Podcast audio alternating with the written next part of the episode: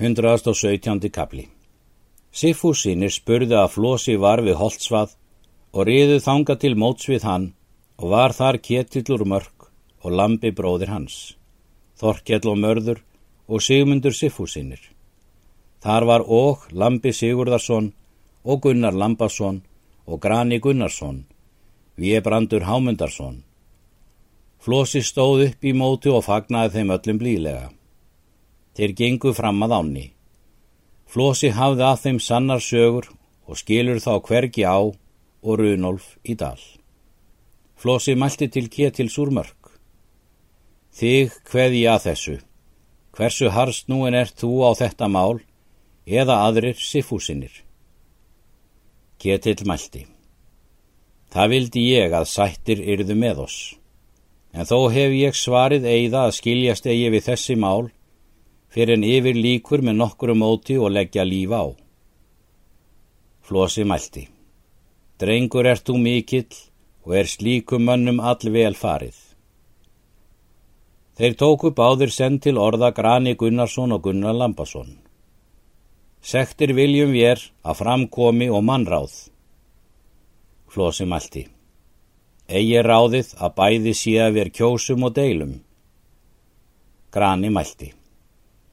Það var mér þá í hug er þeir drápu þráin á markarfljóti en síðan höskuld són hans að ég myndi aldrei sættast við þá heilum sáttum því að ég vildi vera þar gjarna er þeir væru allir drefnir.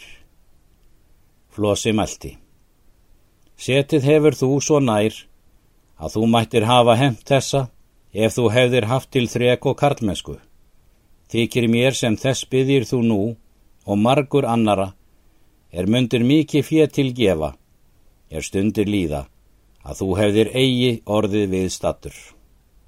Sé ég það gjörla, þó að oss veitti það að vilja að við er dræpum njál eða sónu hans, þá eru þeir svo mikil sáttar menn og stór ættaðir að þar mun svo mikið eftirmál verða að við er munum fyrir margs manna kníi ganga verða og byggja oss liðs áður við er komum oss í sætt og úr þessum vanda megi þér og svo til ætla að þeir munu margir snöyðir er áður eiga stórfje en sumur munu láta bæði fjeð og lífið. Mörður Valgarsson reið til fundar við flosa og hvað stríða vilja til þings með honum með öllu liði sínu. Flosi tók því vel og hóf bónorð við hann að hann skildi gifta rannvegu dóttur sína starkaði, er bjó að stafafelli bróður sinni flosa.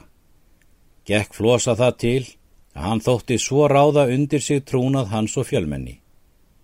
Mörður tók vænlega á og veik undir gissur hinn kvíta og bað tala um á þingi. Mörður átti þórkvöllu dóttur gissur að kvíta. Þeir mörður og flosi riðu báðir saman til þings og töluðu alla daga.